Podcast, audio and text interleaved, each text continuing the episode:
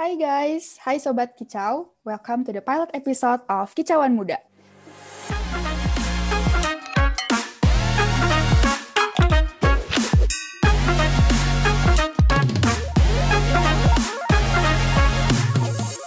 Today, I join with my other co-founders nih. Ada Tisa, Benif, Selena, dan Candi.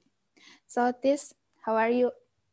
I'm good. Hmm, kita kali ini ngobrol-ngobrol santai aja kali ya. Yes, benar.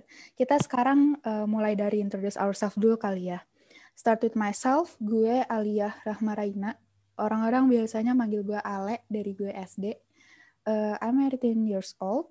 Sekarang lagi mau naik semester 3 di Telkom University Prodi Ilmu Komunikasi angkatan 2020. Wow, fun fact dong, fun fact.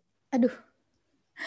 Apa ya? Um, oh ini, gue punya banyak kucing, tapi gue, tau gak sih, gue tuh baru discover sekarang kalau misalnya gue tuh alergi kucing, tis. Bayang. Hmm, terus gimana dong? Setersiksa itu gue. Setelah main kucing kayak gue gatel-gatel atau mata gue merah. Parah sih tersiksa banget terus apalagi ya hmm, oh gue Virgo gantian gantian Oke, okay. hai Sobat Kicau, kenalin nama gue Anissa Pramesti, tapi gue biasa dipanggil Tisa. Kenapa? Ya biar beda aja.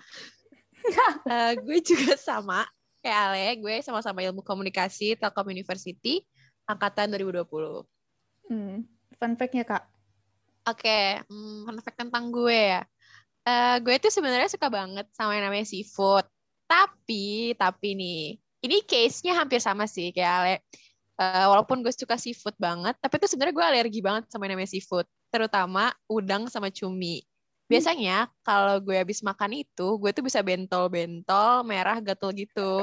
Ta tapi, ya namanya juga enak ya. Ya tetap aja gue makan, walaupun gatel-gatel. Ih, bener sih, cumi sama udang yang paling enak. Ya gak sih? Ya kan, rugi banget gue nggak makan cuma gara-gara alergi. Alergi mah bisa lah diobatin pakai obat.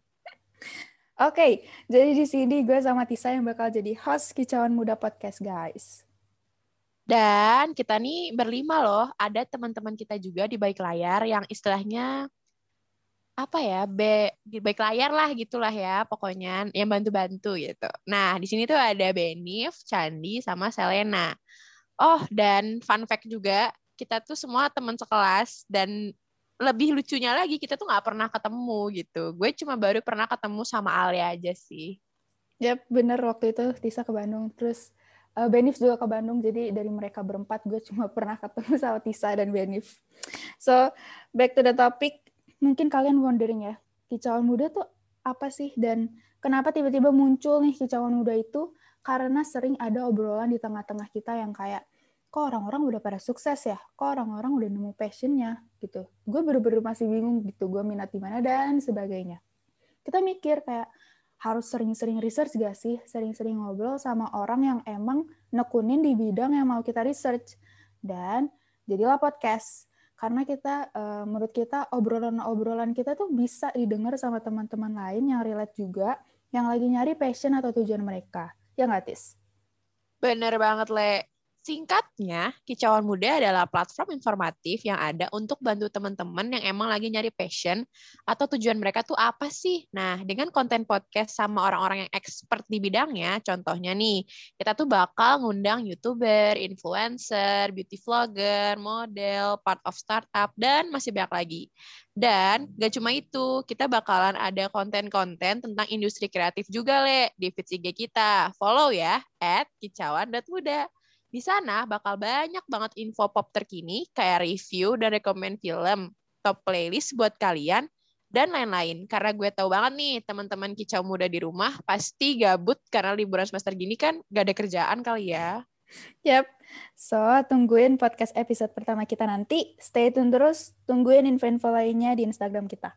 Segini dulu untuk pilot episode Kicauan Muda Podcast. Makasih banget udah dengerin dan see you in the next episode. Kicauan Muda berisik tapi berisi.